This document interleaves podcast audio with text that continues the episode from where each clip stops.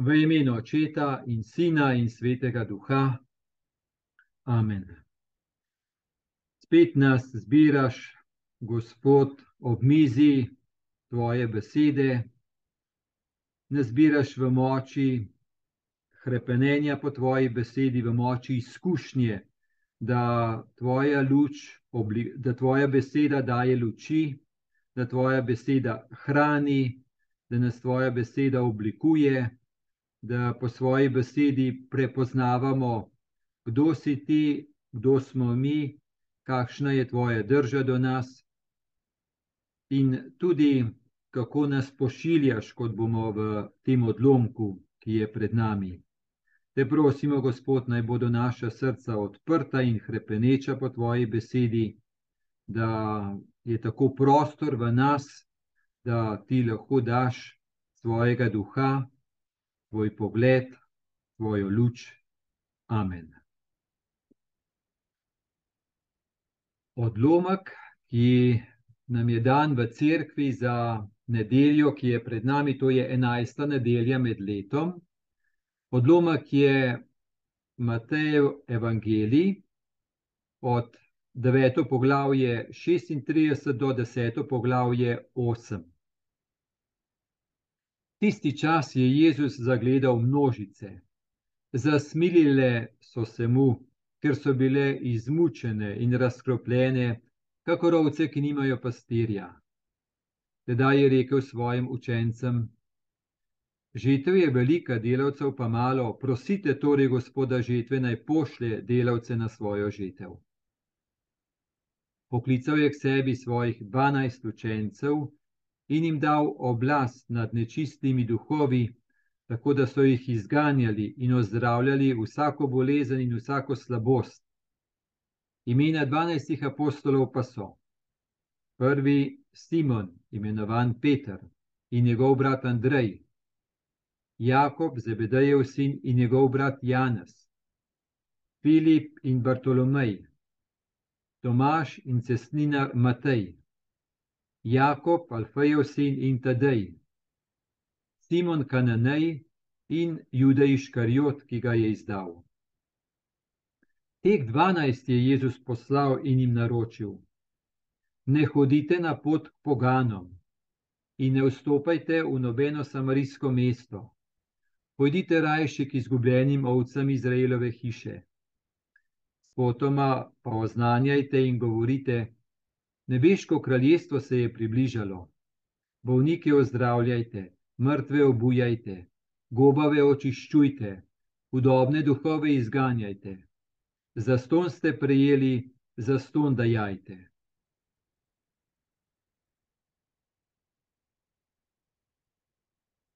Najprej kakšno besedo, ki najdemo ta odlomek v Matejevem evangeliju.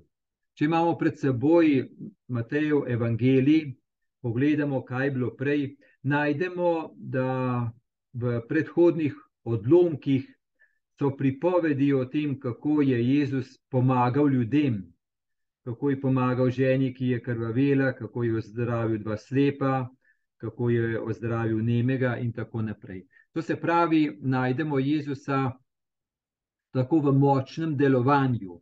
Njegovo delovanje je šlo tako, bi rekel, lahko v dve smeri. Um, morda tri. Torej, eno je, da je oznanjal, pomeni govoril, govoril ljudem o veri, o življenju, o odnosih, o nebeškem očetu, o smislu življenja, o vrednosti življenja, o vrednosti vsake osebe in tako naprej. Torej, oznanjal in pa, da je pomagal ljudem, torej, ozdravljal jih.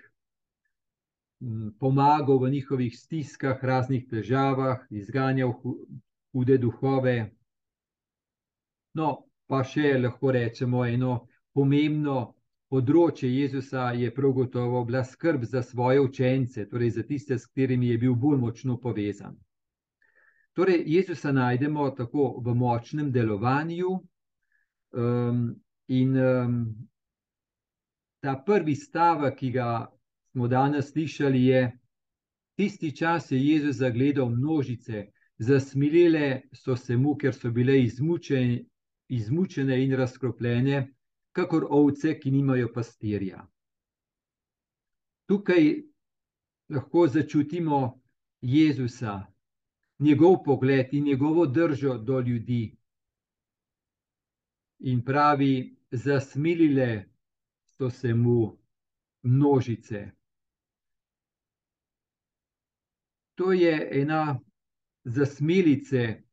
Gotovo, če bi pogledali samo na takem čustvenem nivoju, je nekaj, ampak zasmilile so se mu, pomeni, da je Jezus bil poln usmiljenja nebeškega očeta, da dejansko to usmiljenje prinaša v človeškost. Torej, razodeva, kako je nebeški oče usmiljen, in da to usmiljenje pomeni pristopiti, pomagati, narediti kaj. Da to ni eno tako poceni usmiljenje, ki se čustveno razneži, pa, pa potem ostane pri tem, ampak da gre naprej, da gre v eno konkretno dejavnost in pomoč.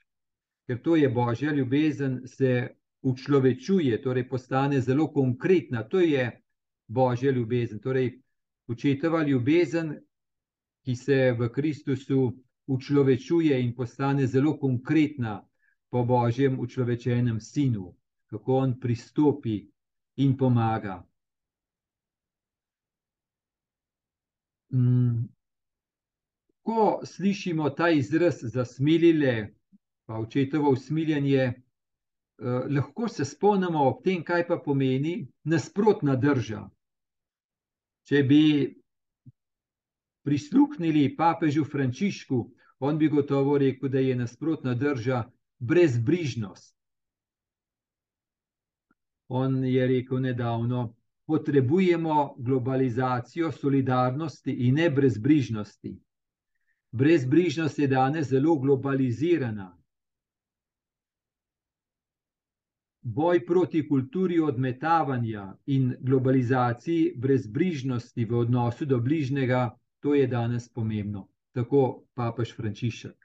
Torej, brezbrižnost pa pomeni ena drža, kaj me sploh brigajo drugi drugi se za me nabrigajo, jaz se za druge ne bom, drugi naj se kar zase pobrigajo, kot se jaz moram zase pobrigati. No, to je pa brezbrižnost, to se pravi, brez brige za druge. Jaz, moje življenje, to je edino, kar me zanima, ostalo pa prav nič. To, no, in to je, torej, če gre brezbrižnost v eno smer, gre potem božje usmiljenje, Jezusova drža, ravno v drugo smer, da hoče temu človeku, ki je brezbrižen, oziroma ljudem, ki trpijo zaradi brezbrižnosti, oziroma nasploh ljudem v stiski, da pomaga. Brezbrižnost to je res ena taka, bi rekel, grda drža, hladna drža, pusta drža. Nedavno mi je pripovedoval en možakar, ki se mu je pripotila ena kolesarska nezgoda sredi Ljubljane. Padel je, um, mislim, en rob pločnika ali kaj bi, v glavnem padel je in je tako na glavo se udaril in žal ni imel čelade. No in je rekel, on je padel in je res grdo padel in so vsi videli, da je grdo padel. Ampak je rekel, ljudje so kar mimo hodili, kot da se nič posebnega ne bi zgodil. Pravi, sta pa potem iz bližnje trgovine, sta priletela prodajalec, pa še eden, da sta potem se bolj zauzela za njega, poprašala, kaj lahko pomagata, kako narediti, in tako naprej. Prav je rekel, prav jaz sem se tudi začudil, kako je možno, da so pa ljudje kar mi hodili, pa so videli, da padec je bil kar grd, pa na glavo, ne, ne kar neki sam tako.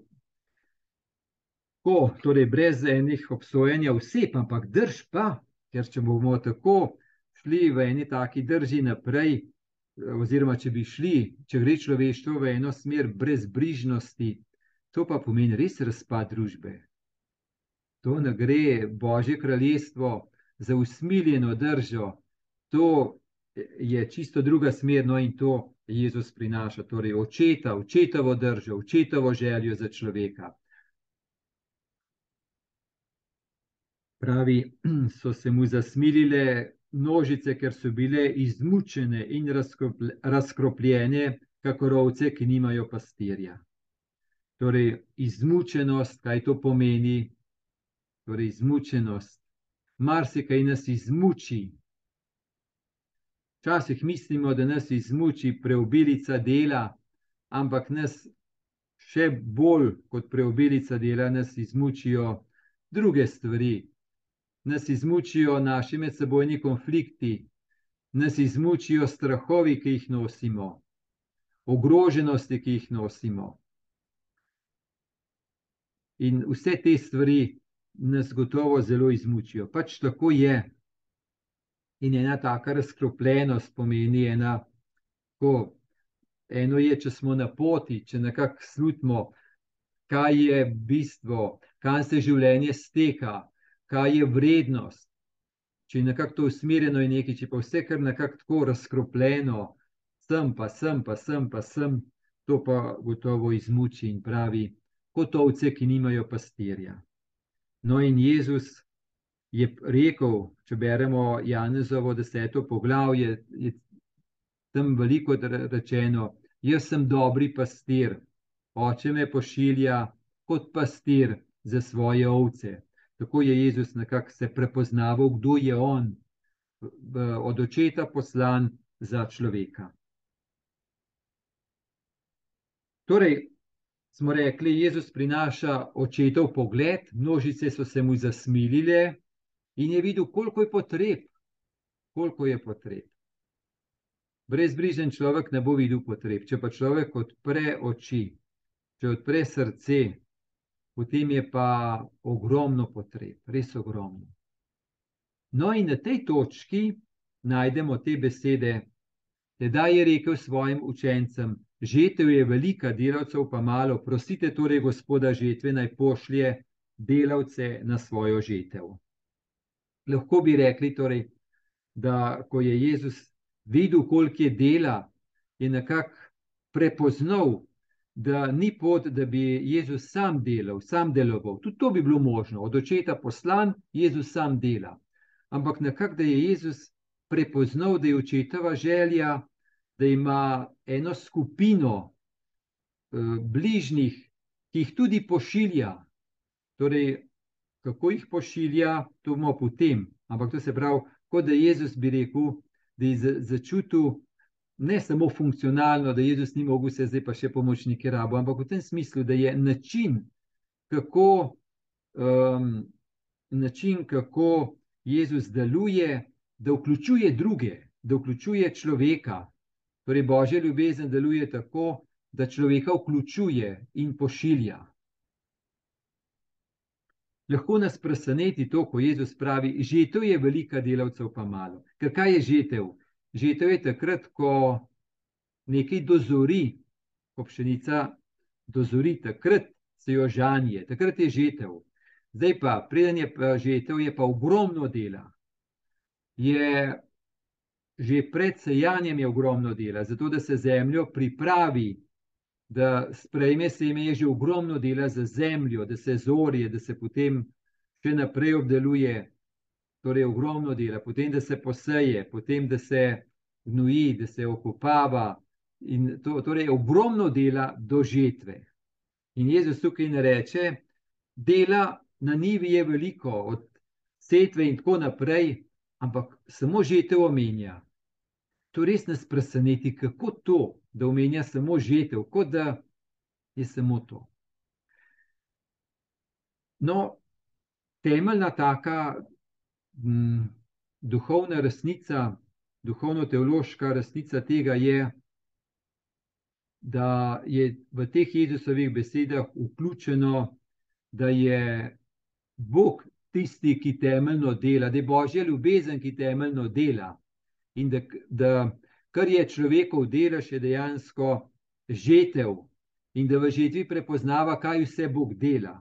Torej, človek je vključen, ampak ne človek kot absolutni protagonist, ne človek kot absolutni izvir, ne človek kot en absolutni uh, začetnik, ampak da je človek vključen kot tisti, ki je vključen v božje delo in da prepoznava, kaj vse Bog že dela.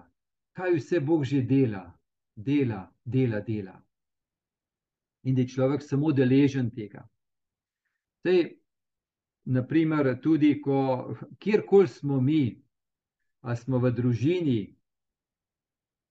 ali smo, ne vem, kot duhovniki, mi smo nekje deležni enega toka, kjer je bilo prej veliko narejeno. Jasno, da v družini, v zakonu, da vsakdo živi odnose, vzgaja otroke, ampak dejansko pa je dejansko daje naprej, kar je prejel, dobro, še poboljša, ampak vendarle, kar je prejel, daje naprej. Ni absolutni začetnik. Tudi v duhovništvu, ko je človek, ne vem, duhovnik z ljudmi, kaj vse, kdo vse so bili vključeni, da so določene osebe, da so živele vero. Torej, smo vključeni v en tak tok božje ljubezni, ki je v, pri, v človeštvu prisotna, in um, torej nobeden ni absolutni začetnik, prav gotovo ne. Torej, da bi začel, da bi se pri njem začel svet, ampak smo vključeni in to se pravi temeljno. Torej, Bog je na delu, božje ljubezen je na delu, človek je pa pri tem vključen, ampak res kot tisti, ki prepoznava, da je Bog na delu.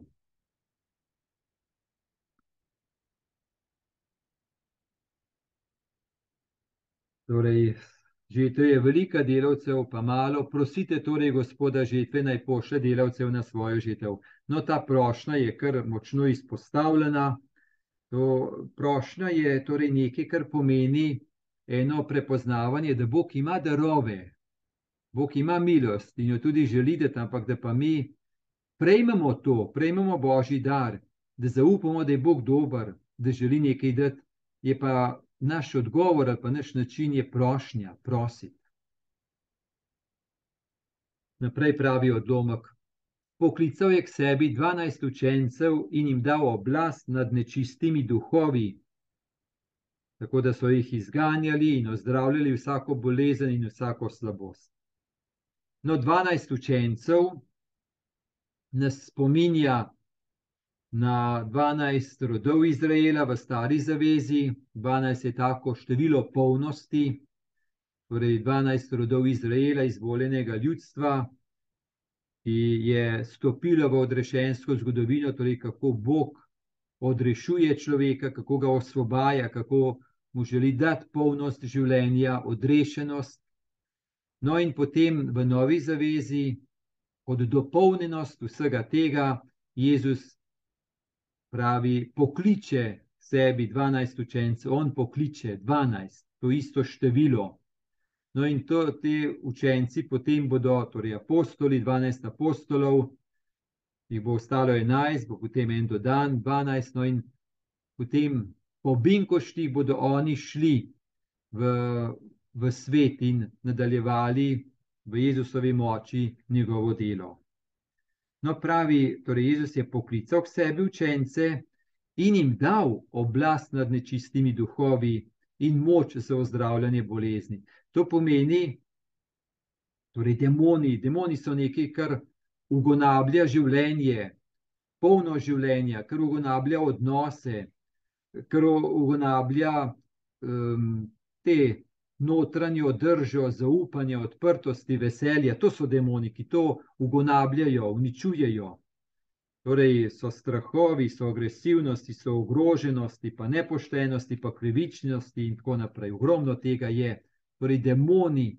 In Jezus jim da moč nad demoni, torej eno moč, ki, ki gre onkraj, moč ljubezni, ki gre onkraj teh, teh demonov, in pa moč za ozdravljanje bolezni. Torej, Jezus jim to da. Jezus jim to da. Torej, ne gre za to, da bodo ti učenci potem poslani v tem smislu, da bi rekli, da bi Jezus rekel: No, ti imaš ta dar, ti imaš dar, da dobro govoriš, ti imaš dar, da dobro hodiš, ti imaš dar, da znaš uh, rane pravzvati, ti imaš ra, da, ta dar, pojdite, pa delajte. Tako. Ampak jim da en tak bolj temeljen dar, torej en tak temeljen dar, ljubezni do ljudi, prav ta drža, da so se mu zasmilili. In tudi ta drža, preko enega velikega zaupanja, da ima Jezus moč nad demoni, nad vsem tem, kar uničuje človeka in človekovo življenje, in tudi da zdravljajo bolezen. Torej, Jezus jim da to, Jezus prinaša od očeta in to jim da njim. Torej, Jezus pokliče k sebi 12 in da to moč, in naprej pravi: Imena 12 apostolov pa so, in jih potem našteje. Tukaj imamo ta izraz, najprej poklical k sebi 12 učencev, zdaj pa teh 12 apostolov. Apostol, apostolos, ta grška beseda pomeni biti poslan, poslanec, apostelo, poslat, um, torej tisti, ki je poslan. S tem, da je dobro, da to poudarimo, no, da biti poslan ne v tem smislu, da um, je nekdo tukaj in nekdo, ki ga nekoga pošilja in on gre, nekak, nekam gre. Ampak v tem smislu, da nekdo pošilja in temu, ki ga pošilja, daje eno tako polno moč, polno prisotnost, tako da gre nekako, da gre s tistim, ki ga pošilja, gre. To pomeni, da je poslanec je enak tistemu, ki ga pošilja, pošiljatelju. Torej, da pošiljatelj opolnomoči tistega, ki je poslan. No, potem so tukaj imena, in vidimo, da so torej 12 imen naštetih, da so to zelo različna imena, zelo različna imena so. Um, prvi Simon, imenovan Peter. Torej, vidimo, da ni 12 Simonov, ni 12 prvih, ni 12 teh, um, ampak so različni. Tudi, če bi rekli, kdo je bil še taki stopajoč, morda apostol Janez, tudi niso vsi Janezi, ne vsi Petri, ne vsi Janezi, ampak zelo različni so. In tudi, ko lahko, lahko zaslutimo iz imen, vidimo, da kakšna imena so, ima, so grška, Gotovo, če so grška imena, da so nekateri dobili grška imena, pomeni, da je zadaj za, za njimi tudi lahko nekaj izkušnje in poznavanja grške kulture, helenistične. Potem je tukaj Simon Kananej. Kananej, ta izraz Kananej, um, izraz je vezan um, na eno držo gorečnosti, in eh, je zelo verjetno, da je on dobil ta izraz ne toliko kot ena osebnostna karakteristika, oziroma tudi lahko, ampak da je tudi lahko bil ena politična struja tistih, ki so bili močno usmerjeni proti Rimljanom, torej ena gorečnost proti Rimljanom, ker to je bila ena ta aktualna politična zadeva v tistem času. Ne. Kako biti Eh, kako ne bodo ljudje z Rimljani, ki so bili okupatorji. Torej, vidimo, zelo različni so med seboj. Omenjen je cesninar Matej, ki smo ga srečali, ko je bil, kjer je bil prav posebej opisan, kako ga je Jezus poklical, ko je sedel pri mitnici, torej, ko je pobiral davke. In torej, zelo različni so med seboj.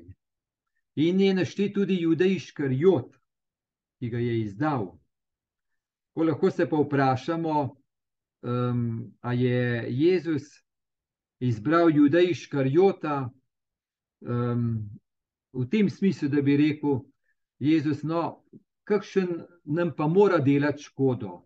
Ne moramo zdaj kar vseh samo takih imeti v redu, kakšen malo škode moramo delati, moram pa kakšen ga izbrati tazga zga nekako čudenega, nevrednega, da nam bo delal škodo. Prav gotovo Jezus ni tako delal. Tudi njega je izbral in poklical in postal tako kot druge. Torej, tudi njega je poklical, tudi njemu je dal oblast, tudi njemu, kot vsem drugim. Tako da je tukaj predvsem ena taka velika nota, en velik poudarek, kako ima človek svobodo. Kako tudi Jezus kot Božji sin ni bil v tem smislu kar en tak vse ved, da bi kar vse naprej vedel, ampak dejansko ima človek svobodo. In Bog je tako dober do človeka, tako spoštuje človeka, da ga ne bo stisnil v svobodi in ne bo oduzel človeku svobodo. To nas lahko tudi škandalizira. Zakaj Bog ni tako, da ko nekdo bi slabo delo, da bi ga, da bi ga Bog ustavil, ampak da Bog dopusti. Torej, če nekdo slabo dela, ga morda življenje samo zaustavi, ampak Bog kot Bog pa ne bo človeka uropal svobode. Takšen je Bog. Tako spoštuje in tako ljubi človeka, na tak način spoštuje in ljubi človeka. Tako da je v Judu res ena velika skrivnost um, človekove svobode in da mu jo Bog pusti. Lahko bi rekel, da prav škandalozno Bog zaupa človeku in mu pusti toliko svobode, toliko moči. Tako je, to je ena velika skrivnost. Torej, tukaj so našteti razno razna imena, so, in teh 12 je Jezus poslal in jim naročil. Ne hodite na pot k poganom in ne vstopajte v nobeno samarijsko mesto. Pojdite rajši k izgubljenim ovcam Izraelove hiše.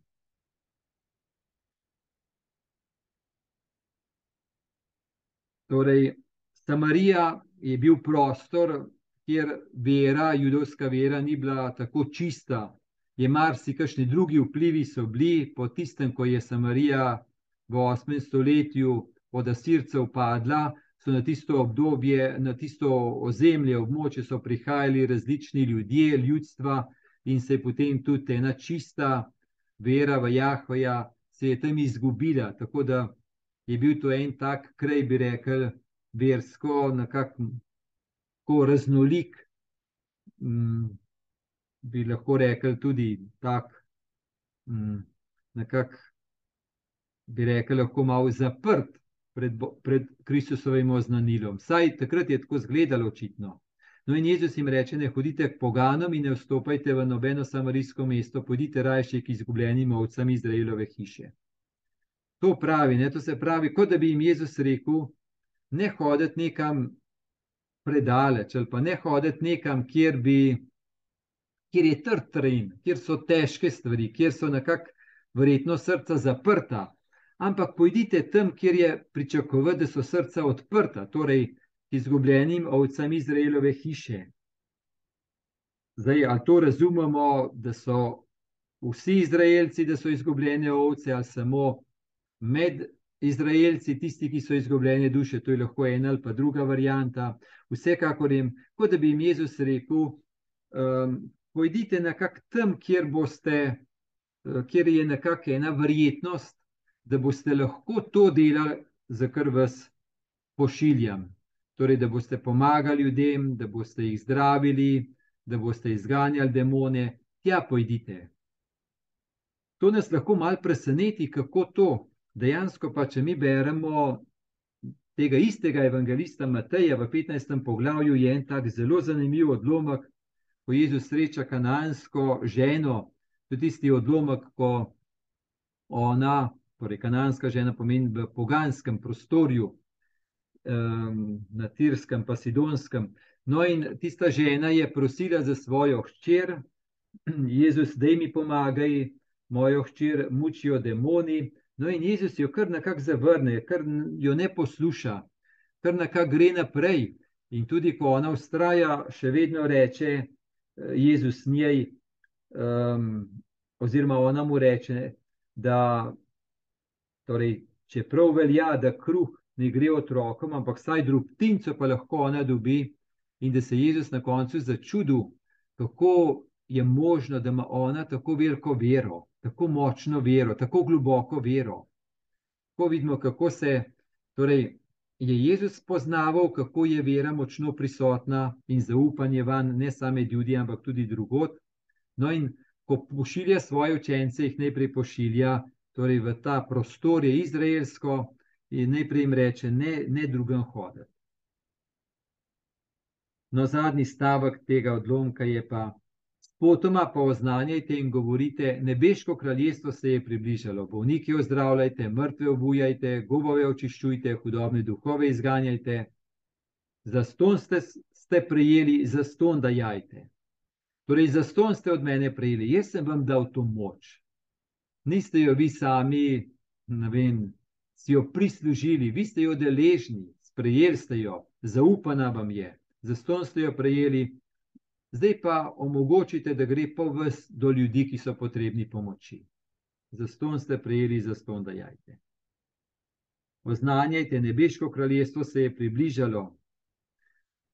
V Mateju 4:17 lahko vidimo, da je Jezus tudi na začetku prav to je začel govoriti. Nebeško kraljestvo se je približalo. Prav v tem, to se pravi, Kristus se je približal, Božji sin se je učlovečil. Očetovo obličje se je razodelo v človeškosti po Jezusu Kristusu. Torej, Božja ljubezen se je približala, Jezus Kristus je prišel. To je Božje kraljestvo. Kristus sam je Božje kraljestvo, Božja ljubezen sama je Božje kraljestvo. In tisti, ki to sprejmejo in živijo, so deležni Božjega kraljestva, vstopijo v Božje kraljestvo. No, in znak ali pa eno znamenje, da je nebeško kraljestvo, da se je približalo, da se je božja moč približala, Kristusova ljubezen, da je dejavna, je to pomoč bolnikom, celo mrtve obujati, podobne duhove izganjati. To je pa eno znamenje, da se nebeško kraljestvo približuje. Gotovo je vse to tudi simbolno, ni samo tako fenomenološko, no zven, ampak tem smislu simbolno, ne mrtve obujajte, gotovo ni zdaj samo to, nekdo je povsem mrtev, pa je obojen, ampak ko obujati, kar je mrtvega v človeku, kar je zamrlo v človeku, da pride novo upanje, nova moč, vse to je tukaj vključeno. No, zdaj za zaključek bi rad, par minut imamo še, bi rad pa to zdaj um, poudaril.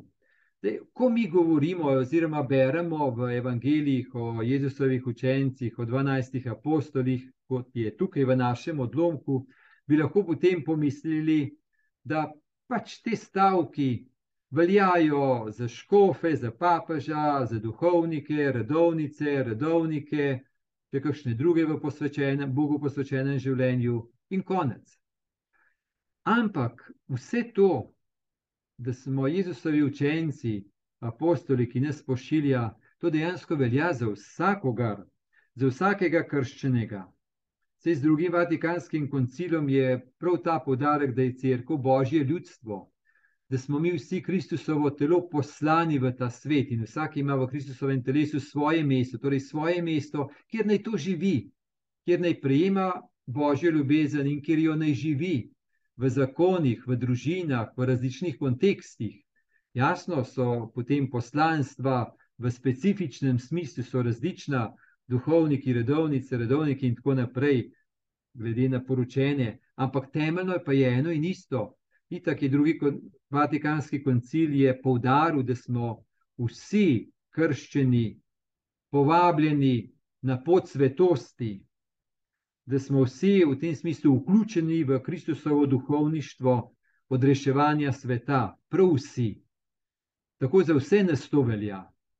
Torej, vsakdo od nas ima, Bog daje eno poslanstvo, torej ga pošilja v moči njegove ljubezni, njegove moči, njegove breku moči, ki je odrešenska moč, ki je močnejša od zla, ki je močnejša od pacev, ki je močnejša od ovir, ki je močnejša od demonov, je močnejša od vsega tega, kar, kar uničuje človekovo življenje. Torej, da v božji moči to mi živimo in prinašamo, in tja, kjer so potrebni, tja, kjer so potrebni. In ko govorimo o potrebnim, bi pa rad spomnil na to, kar je Jezus rekel: ne, na, ne hodite na pot poganom in tako naprej. Ampak Torej, kaj nam vsem lahko to reče Jezus? Nam reče: Poglejte, ljubezen vam dam, pojdite k potrebnim pomoči. Ampak ne mislite, da so potrebni pomoči, ne vem, kako daleč proč, ne vem, kako vse, da boste dobili potreb, potrebne pomoči. Tudi, ampak vendarle, pogledajte najprej okrog sebe, vaše najbližje. torej vaše najbližje, v vaših zakonih, v vaših družinah, v kontekstih, kjer živite, kjer teče vaše življenje, veš vsak dan, um, kjer se dogaja, m, pretaka vaše življenje in ste v stiku z drugimi, torej ste so zakonci, to vaši otroci, bratje, sestre, starši, sodelavci, sovašani, sosedi, tam najprej pogledajte. Tam, torej v moči Božje ljubezni, da vas nese, torej da vas ne vodi brezbrižnost, ampak da vas vodi ena usmiljena drža, tam pogledajte okrog sebe. In če boste močno pogledali, boste videli, da vaš bližnji potrebuje marsikaj. Torej bi ja, vse je mu je v redu, kaj mu pa pali. Ja, torej, če se bolj ustavimo, bolj prisluhnemo, lahko prav začutimo, kako naši najbližji res potrebujejo kakšno besedo um, dobrohotnosti, spoštovanja, bližine, vrednosti. In to ti ne more človek kar sam dati, se pravi, da tudi sam človek si reče: Vreden sem, jasno. Ampak vendarle ni to vse, da skozi odnos od nekoga sliši, In vemo, da so prav te stvari, uh, vesel sem te, hvaležen sem za te. In te stvari, da so to tako temeljne, ki imajo en tak prav okus ljubezni, povezanosti, Božjega kraljestva, odrešenosti. Torej, da to najprej pogledamo okrog sebe. Jasno, potem pa naprej, ker v Bogih je tudi, torej, močno v Bogih je tudi veliko, da še naprej gremo. Ampak kje pa začeti, pa mislim, da nam pa Jezus res tako jasno tukaj pove. No, tako je lep odlomek in torej govori tudi nam. In je dobro, da slišimo, in kakšna, kakšna taka beseda nam je lahko v moč in luč, podbudo, izziv, tako da slišimo Jezusa, um, kaj on pravi, ker tudi nam govori in naj vas vse spremlja Božji blagoslov, blagoslov Boga Očeta in Sina in Svetega Duha. Z Bogom.